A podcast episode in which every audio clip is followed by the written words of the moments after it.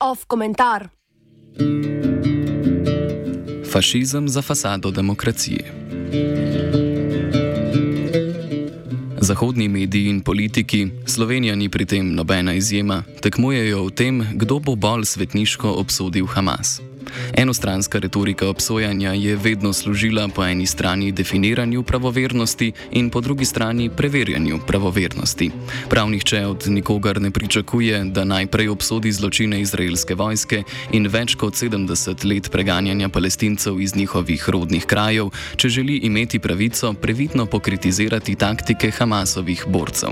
Imamo obratno situacijo. Na ta način se ustvarja predvsem predstava o barbarskem Hamasu, ki mu po implikaciji Izrael predstavlja nasprotje.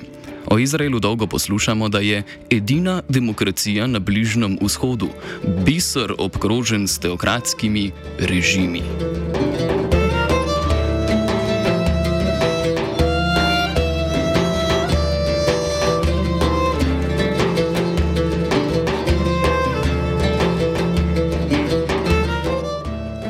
Ampak demokratičnost Izraela je lažna.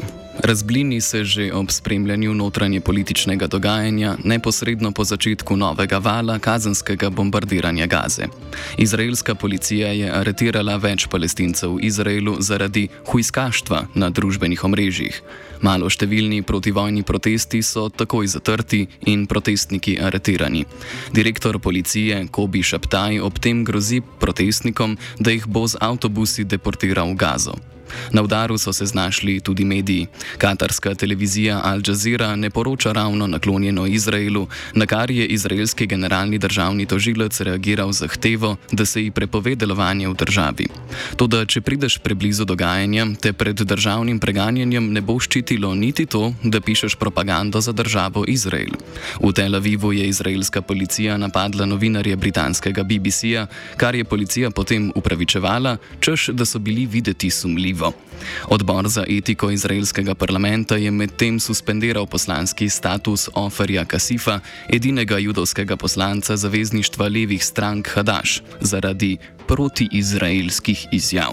Kasif je v intervjuju z nacistično končno rešitvijo primerjal načrt premijeja Benjamina Netanjahoja za palestince v Gazi. Kolikor je nasprotnikov bombardiranja Gaze, veljajo v družbi za izdajalce.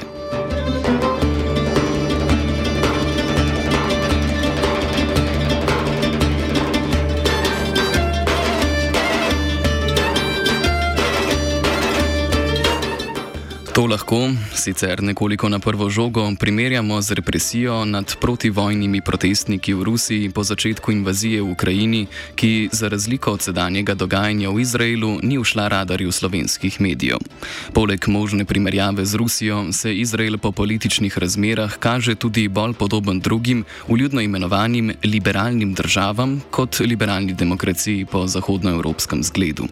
Kaže se kot država, v kateri obstajajo formalne institucije, je parlamentarizma, to da politiko popolnoma dominira en človek. Premijer Benjamin Netanjahu s prekinitvami Izraelu vlada skupno že 16 let. Svojo prevlado v politiki pa v zadnjem letu poskuša formalizirati sodno reformo. Vendar o Izraelu mediji ne govorijo na ta način. Vodilo pri ocenjevanju svobode te ali one države je še vedno prej geopolitična pripadnost kot njena politika.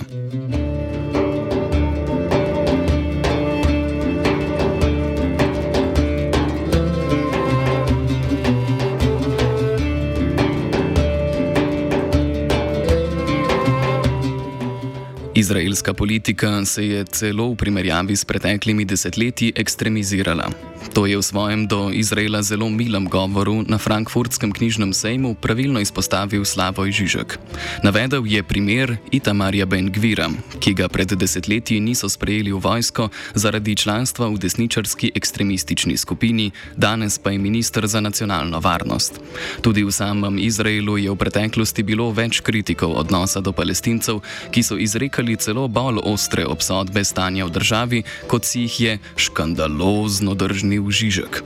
Denimo izraelski liberalni akademik Israel Šakak, ki je preživel dve koncentracijski taborišči, je v 90-ih letih prejšnjega stoletja govoril o judovskem nacizmu.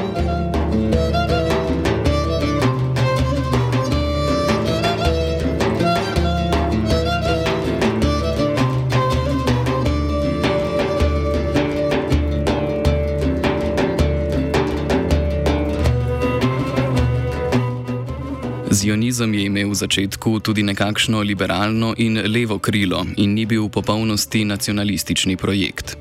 Primer levih zionistov so kibucniki, ki so ob selitvi v obljubljeno deželo ustanavljali komune, v katerih so poskušali realizirati skupnostno življenje brez zasebne lastnine in z neposredno demokracijo. Toda še bolj res je, da je projekt izraelske države že v sami zasnovi predvideval odstranitev palestincev. Slogan zionistov v začetku kolonizacije je bil: Zemlja brez ljudi za ljudstvo brez zemlje. Jasno, da tu ni prostora za palestince. Hkrati z eksperimentiranjem z utopijo so kibuci služili tudi kolonialnim namenom. Njihova glavna vloga se je na zadnje izkazala za vojaško in ne naprimer za ekonomsko. Bili so prva linija širitve judovske naselitve in sodelovali pri pogromih nad palestinskim prebivalstvom.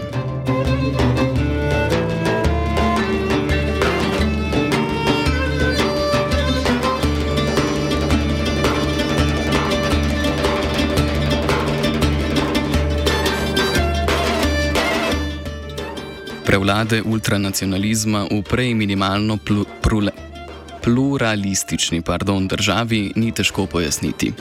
Protislovje med izraelsko ekspanzionistično politiko in družbeno naprednimi ali pa vsaj liberalnimi ideologijami se je moralo tako ali drugače razrešiti. In če se ni razrešilo s koncem nasilja nad palestinci, se je moralo razrešiti z izginotjem nefašističnih prepričanj. Če izvajaš genocid, si ne moreš privoščiti humanih prepričanj. Človek ni nagnjen k temu, da bi bil zavestno pošast. Če to počne, mora samega sebe nekako prepričati, da je to, kar počne, prav in da je do tega upravičen. Obrnil se bo k ideologijam, v okviru katerih je njegovo početje mogoče legitimirati. Tako pridemo do rasističnega dehumaniziranja palestincev, do idej od Boga obljubljene dežele in podobnih delegitimacij palestinskega obstoja, govora o izmišljenem narodu in tako dalje. Vse to je konstitutivno tudi in predvsem za izraelsko notranjo politiko. Ne sme nas čuditi torej, da v Izraelu praktično ni levice, da je beseda levičar žaljivka, da so prepričanja večinskega prebivalstva vse bolj fašistoidna, vsaj kar se tiče odnosa do palestincev, da je po začetku novega vala bombardiranja Gaze v vojni kabinet Netanjahuja takoj vstopil tudi voditelj tako imenovane liberalne opozicije Benjamin Gantz. Projekt Izraela je bil že s tem, kako je bil zastavljen, obsojen na dominacijo desnice.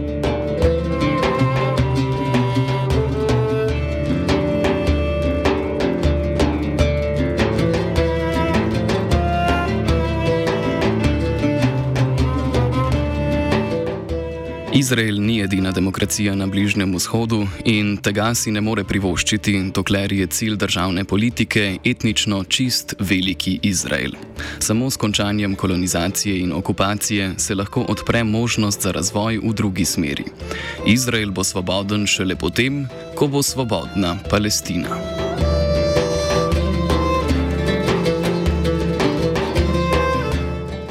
Komentiral je Matej.